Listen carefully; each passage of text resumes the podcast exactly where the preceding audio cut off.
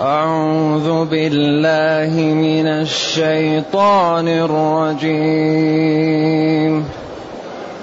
بسم الله الرحمن الرحيم. فلا أقسم بمواقع النجوم. فلا أقسم بمواقع النجوم وإنه لقسم لو تعلمون عظيم وإنه لقسم لو تعلمون عظيم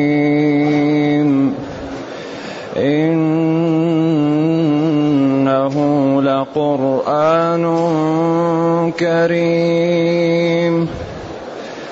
إنه لقرآن كريم في كتاب مكنون. في كتاب مكنون لا يمسه إلا المطهرون. لا يمسه إلا المطهرون. تنزيل من رب العالمين. أفبهذا الحديث أنتم مدهنون وتجعلون رزقكم أنكم تكذبون أفبهذا الحديث أنتم مدهنون وتجعلون رزقكم أنكم تكذبون فلولا إذا بلغت الحلقوم فلولا إذا بلغت الحلقوم وأنتم حينئذ تنظرون وأنتم حينئذ تنظرون ونحن أقرب إليه منكم ونحن أقرب إليه منكم ولكن لا تبصرون فلولا إن كنتم غير مدينين ترجعونها إن كنتم صادقين. ترجعونها إن كنتم صادقين. فأما إن كان من المقربين فروح وريحان وجنة نعيم فروح وريحان وجنة نعيم وأما إن كان من أصحاب اليمين فسلام لك من أصحاب اليمين وأما إن كان من المكذبين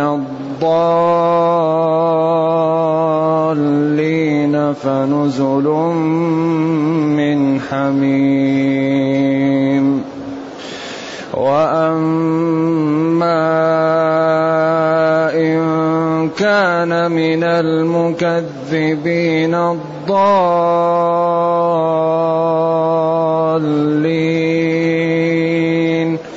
فنزل حميم وتصلية جحيم. إن هذا لهو حق اليقين.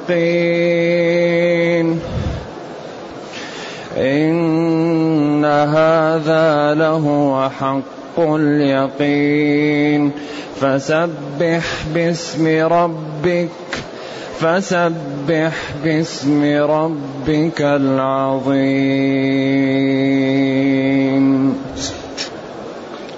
الحمد لله الذي أنزل إلينا أشمل كتاب وأرسل إلينا أفضل الرسل وجعلنا خير أمة أخرجت للناس. فله الحمد وله الشكر على هذه النعم العظيمة والآلاء الجسيمة والصلاة والسلام على خير خلق الله. وعلى آله وأصحابه ومن اهتدى بهداه. أما بعد فإن الله تعالى يقول فلا أقسم بمواقع النجوم. هذه لا للعلماء فيها قولان. لا صلة. صلة. وهي الذي يقولون زائدة. يعني زائدة ليس لها محل من الإعراب وإنما جاءت لتقوية الكلام ولتنبيه السامعين.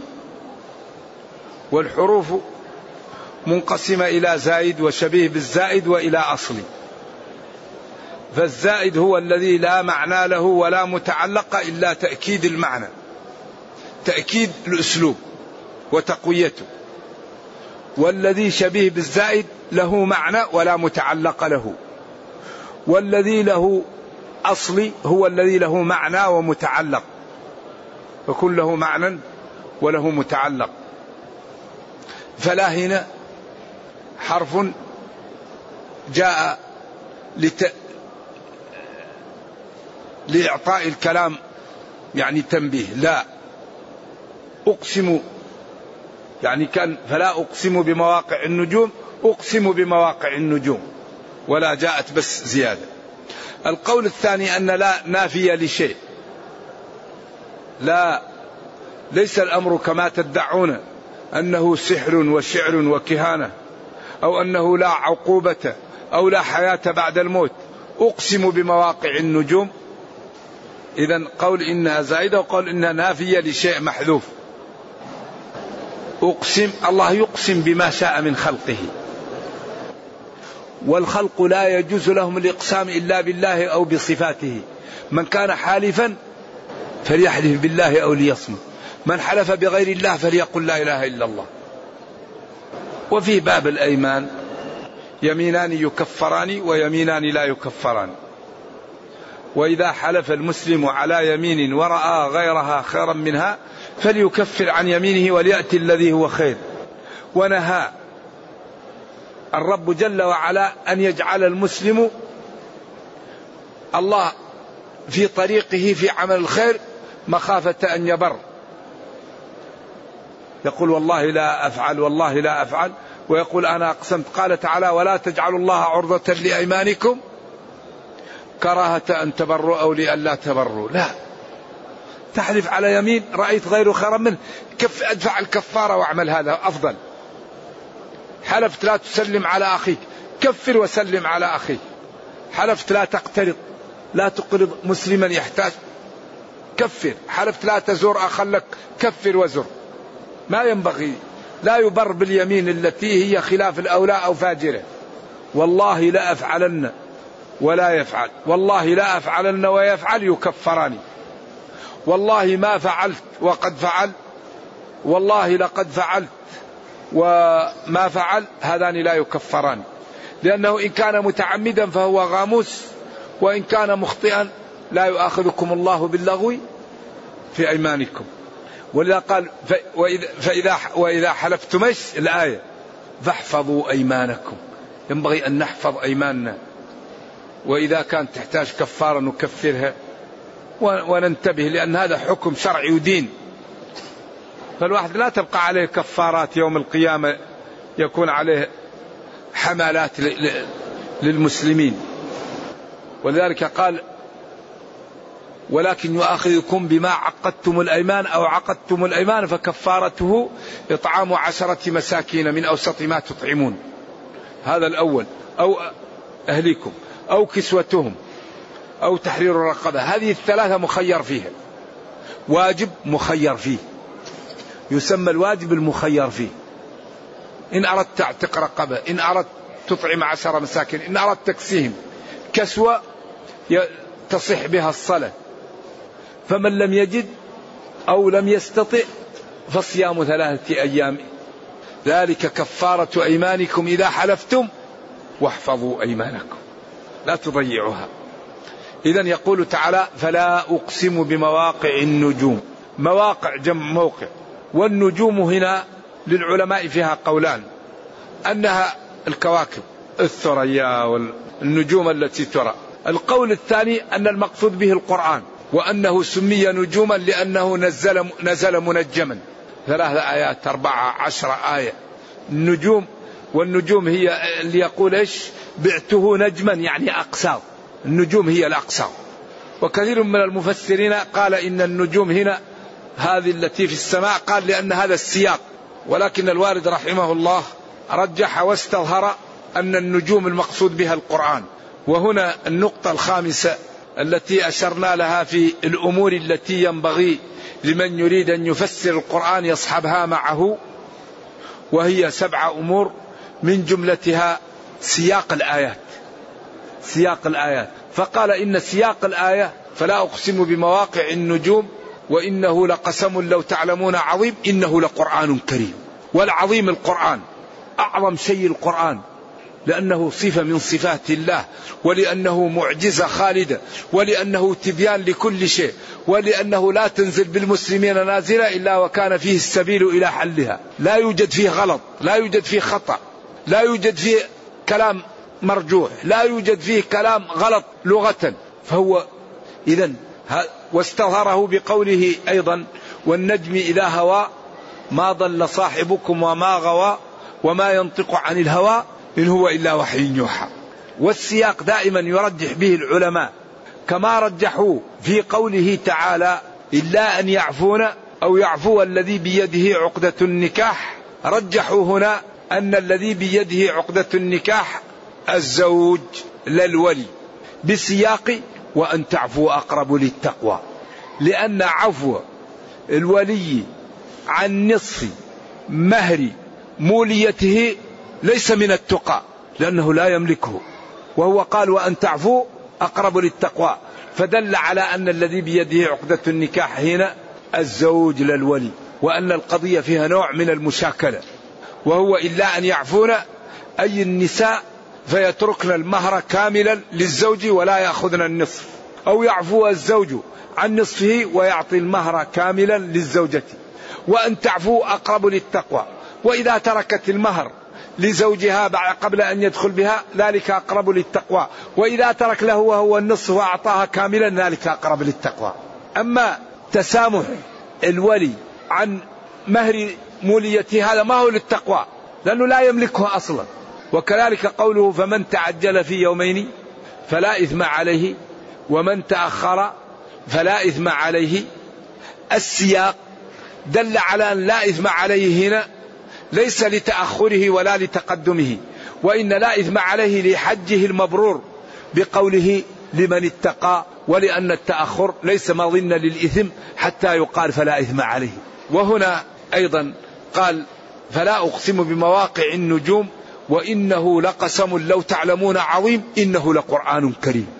أيوة فالنجوم هنا القرآن نزل نجوما وقيل نزل جملة واحدة إلى سماء الدنيا ثم نزل في مدة عشرين سنة نجوم وهذا دلالة على علم الله الذي يعلم ما لم يكن لو كان كيف يكون. نعم. إنه لقرآن كريم. إنه أي هذا القسم بالقرآن لقرآن كريم. القسم. إنه لقرآن كريم عظيم مبارك نور. ضمن لمن تمسك به أنه لا يضل ولا يشقى. أن من تمسك به لا يضل ولا يشقى. وضمن لمن أعرض عنه أنه يعيش في الدنيا عيشة ضنكا ويحشر يوم القيامة أعمى. هذا الكتاب هو الذي يوم القيامة تأتي الناس بينها فاصل لأجل هذا القرآن. من عمل به وتمسك به وجعله قدوته قاده إلى الخير وإلى الفضائل وإلى العز وإلى الرفعة وإلى السعادة وإلى المتع وإلى كل خير. ومن أعرض عنه زجه ساقه إلى النار وفضحه وحياة في الدنيا حياة شقية لأن الذي لا يتقي الله الله يرزقه في الدنيا ضيق الحياة. ولو كان غنيا وقويا ولو كان عنده المناصب لا يمكن يترك العبد التعلق بالله إلا عاش في هذه الدنيا عيشة ضنكا. لأن الله قوله الحق قال ومن أعرض عن ذكري فإن له معيشة ضنكا. الوقت ضيق والنوم ضيق والحياة ضيقة لأن النفس لها تعلق بخالقها. فإذا تعلق العبد بغير الله لا يستريح ولا يشبع. إذا النفس تحتاج إلى ربها. فإذا تعلق بغير الله يبقى عنده جوع. فإذا تعلق بالله عند ذلك يسد جوعته من التعلق بالله فتأتيه السعادة. ولذلك من خالط الكفار يرى هذه الآية.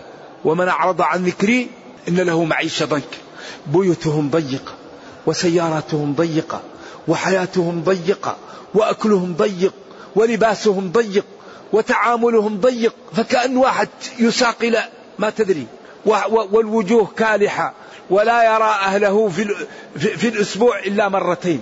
كل الأسبوع لا يرى أولاده ولا أهله لأن الحياة فيها ضيق شديد مع ما عندهم من الأموال ومن الإمكانيات لكن عدم تعلقهم بالله كسب لهم الضيق. أما المتقي ولو فقير حياته منشرحة وتعلقه بالله وأمله في الجنة وأنه إذا كان مريض الله يشفيه وإذا كان فقير الله يغنيه وأنه إذا حصل له شيء الله يعوضه ولا يضيع آه، أجر المسلمين وأنه إن صبر رفعه وإن شكر رفعه وليس ذلك لغير المسلم. إذا فلنكن مسلمين عجبا لأمر المؤمن. إن أمر المؤمن كله خير. إن أصابته سراء شكر فكان خيرا له. وإن أصابته ضراء صبر فكان خيرا له. وليس ذلك لغير المسلم. إنه لقرآن كريم. هذا القرآن عجيب. كل شيء مبين فيه. أخطر ما يواجه الأمة الربا. قال فإن لم تفعلوا فأذنوا بما لا بحرب. قال يمحق الله الربا. ذروا ما بقي من الربا إن كنتم مؤمنين. الربا الربا الربا خطر على الأرض خطر على على الخليقة. إن لم يقلع أهل الأرض عن الربا فالذي سيقع لا يعلمه إلا الله. الله قال يمحق فإن لم تفعلوا فأذنوا بحرب. ومن أصدق من الله قيلا. تجمع الآيات تساوي دمار. قال ولا تنازعوا فتفشلوا. كبريات الأمور التي تزدهر بها الأمة وتقوى بينها سواء كانت بالفعل أو بالترك. قال وتعاونوا. أعدوا تعاونوا وأعدوا. هذه الأوامر تفعيلها هو الذي تزدهر به الأمة. إذا هذا القرآن قسم عظيم لأن هذا القرآن عظيم وتبيان لكل شيء وشامل لمصالح الأمة والعالم. ولا تنزل بالعالم نازلة إلا وفي القرآن السبيل إلى حلها. إما بالتصريح أو بالتلويح أو بالفحواء أو بالكناية أو بمفهوم الموافقة أو بمفهوم المخالفة ما ينزل شيء إلا وهو مبين. إذا حري بنا أن نعطي الوقت لكتاب ربنا. حري بنا أن نتدبره أن نقرأه أن نمتثل الأوامر ونجتنب النواهي أن نتخلق بالأخلاق أن نتأدب بالآداب أن نثور القرآن. هذا القرآن يعني باب للخير مفتوح إلى قيام الساعة إلا فهما يعطيه الله رجلا في كتابه. هذا الباب مفتوح. في كتاب مكنون مصون ومحفوظ وهو اللوح المحفوظ. لا يمسه إلا المطهرون. لا يمسه إلا المطهر هو هذا الضمير لمن؟ للقرآن في اللوح المحفوظ أو للقرآن في المصاحف. والمطهرون هل الملائكة أو المسلمون أو المطهرون من الحدث الأكبر والأصغر؟ أقوال للعلماء أقواها. وأنفعها أنه لا يمس القرآن إلا المطهرون الذين سلموا من الحدث الأكبر والأصغر. هذا الذي يمس القرآن.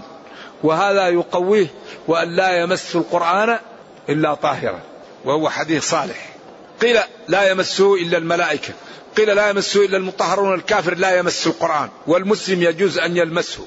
وقيل لا يمسه إلا المتطهر من الحدث الأكبر والأصغر وهذا الذي يسعده الدليل. ولذلك قال الفقهاء إن المتعلم ينبغي له أن يأخذ جزءا من القرآن ولا يأخذ القرآن كله إذا كان صغيرا أو كان على حدث. إذا كان الطفل في مرحلة لا ليس مميز لا يمس القرآن. وتجد كثير من المسلمين يرسل الطفل غير مميز ليمسك المصحف. لا المصحف يتعلق به حكم وهو أن لا يمس إلا من صار ملزوم بالوضوء وهو المميز. من وصل سبع سنوات. مروا أبناءكم للصلاة وهم أبناء سبع. أما الذي أقل من سبع الأولى أن تعطيه جزء أو لوح إذا أراد أن يتعلم لا لا يعطى المصحف كاملا. لأن المصحف تترتب عليه أحكام وهو أن لا يمسه إلا المطهرون. والطفل غير مكلف فالمكلف وليه لا يمكنه من أن يمسك المصحف كامل. ومع الأسف كثير من الناس لا يبالي بهذا. يرسل الطفل له ثلاث سنوات أربع سنوات ويمسك المصحف كاملا. وهو ليست عنده نية للتطهر. والله قال لا يمسه إلا المطهرون. إذا الأولى أننا إذا كنا نريد أن نقرأ القرآن وكان الوضوء يتعبنا ناخذ المصحف المجزأ. وأننا الأطفال لا نعطيهم المصحف كامل وإنما نجزئ المصحف ونعطي للطفل لوح صفحة أو صفحتين ويقرأها ولو على غير وضوء. وكذلك إذا كانت المرأة يصعب عليها التطهر لا تأخذ المصحف كامل تأخذ آه، يعني جزء. هذا الذي يظهر وأنه لا ينبغي أن يأخذ المصحف كامل إلا من إلا المتوضي. تنزيل من رب العالمين. تنزيل. هذا القرآن منزل بعد تنزيل. من رب العالمين. صفة من صفاته. كلامه. يخلق به غير مخلوق. ولذلك القرآن صفة من صفات الله. إذا أقسم الإنسان بالقرآن يجب عليه أن يبر اليمين. لأنه صفة من صفات الله.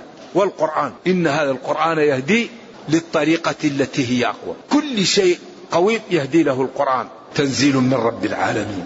منزل. ينزل ينزل. حتى نزلت اليوم أكملت لكم دينكم. بكى عمر وتم وقال هل بلغت اللهم فاشهد قالوا كأنها نصيحة مودع. أفبهذا الحديث أنتم مدهنون تداهنون أو تكذبون؟ داهن إذا قال ما لا يعتقد. ولذلك المداهنة لا تجوز والمجاملة من الخلق الطيب. أما المداهنة لا المسلم ما يداهن. المداهن يقول واحد يعمل حرام تقول له لا هذا كويس مداهن. أما المجاملة أن تنتزع أماكن الاتفاق بينك وبين مع بينك وبين خصمك لكن لا تذكر أماكن الاختلاف في هذا الموقف. هذا يقال له مجاملة كما قال تعالى ولا تجادلوا أهل الكتاب إلا بالتي هي أحسن إلا الذين ظلموا منهم. وقولوا آمنا بالذي أنزل إلينا وأنزل إليكم وإلهنا وإلهكم واحد ونحن له مسلمون. ما قال يا يهود تعبدون عزيرا ويا نصارى تثلثون فهلموا فادخلوا في هذا الدين قبل أن تدخلوا جهنم عليكم لعائن الله. لم يقل هذا. قال وقولوا آمنا بالذي أنزل إلينا وأنزل إليه وقال هناك قل لا تسألون عما أجرمنا ولا نسأل عما تعملون. هذا انتزاع أماكن الاتفاق مع الكفار مع لتقريبهم. وقال لهم قل لا تسألون عما أجرمنا. سمى عمل الصحابة إجرام من باب ما يعتقدونه ليسمعوا. ولا نسأل عما تعملون وكفرهم سماه عمل. ليجرهم إلى أن يسمعوا فبعدين يمسك العلم في قلوبهم فيكون لا محص لهم عن الدخول في الإسلام. لذلك هذا هذا الدين إذا بلغه الإنسان وهو ما عنده حواجز لا بد يمسك في قلبه. لذلك هم قالوا لا تسمعوا لهذا القرآن والغوا فيه. لا تسمعوا. لأنك إذا سمعت يمسك في قلبك. لذلك الآن يشوه المسلمون ولكي لا ويجعل كل شيء على المسلمين وعلى الإسلام لكي لا يسمعه الناس. ويخوف الناس من المسلمين والإسلام لكي لا يقرأوا. ولذلك أصبح كل ما شوه الإسلام كل ما قرأ الناس ودخلوا في الإسلام. لكن في هذا الزمن لا يدخل في الإسلام إلا العباقرة لشدة التشويه. إنسان ما هو متضلع من الفهم والذكاء والثقافة لا يمكن أن يدخل في الإسلام خوف من التشويه. لكن القمم لا تخاف وتعرف الحق من غير الحق. فلذلك في هذا العصر لا يدخل في الإسلام إلا القمم. موريس بوكاي أحمد فون دنفر يوسف سحنون يوسف إسلام. هؤلاء الذين درسوا على درجة عالية هم الذين يدخلون في الإسلام لأنهم لا تؤثر عليهم الدعاية. أما الناس الضعاف الواحد يقول لك أخاف.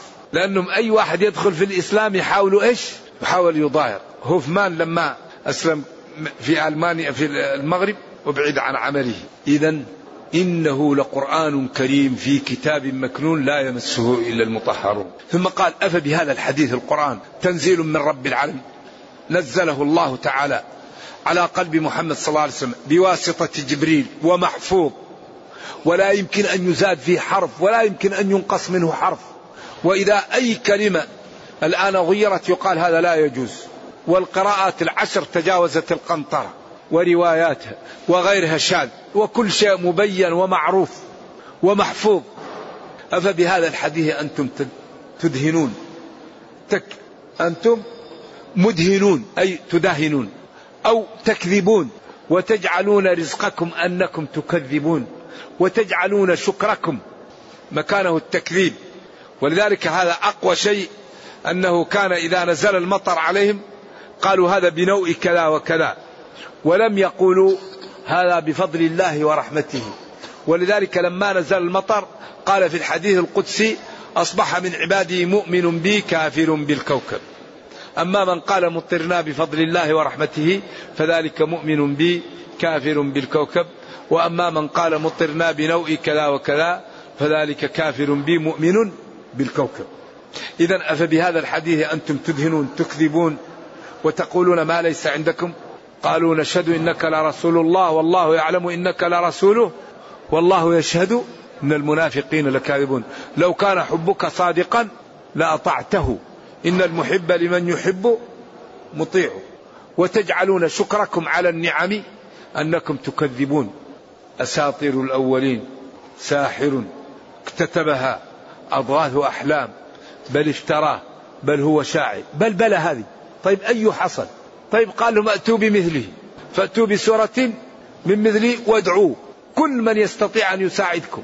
فإن لم تستطيعوا في الماضي ولن تستطيعوا في المستقبل فاعلموا أن هذا كتاب أنزل من عند الله وأن نبيه محمدا صلى الله عليه وسلم مرسل من عنده فبادروا بامتثال ما جاءكم به والانتهاء عما نهاكم عنه. ذلك هذا القرآن في قوالب عجيبة. فلولا هنا بين خطورة ما بعد هذا الموقف وعجز الخلق عن أن يردوا أعظم شيء ينزل بهم. لأن هذه الموت هي أكبر مشكلة في الدنيا. والموت أشد حادث مما يمر على الجبلة. قل إن الموت الذي تفرون منه فإنه ملاقيكم. والموت ينغص كل شيء. هذه هذه من لذات الموت مشكل. كل نفس ذائقة الموت. هنا يقول فلولا فهلا. إذا بلغت الروح وهي مفهومة من السياق. الحلقوم والروح هذه الذي لا يعلمها إلا الله تساق إذا أراد الإنسان أن يخرج من الدنيا. تساق تخرج من الجسم تساق تساق تساق حتى تبلغ الحلقوم.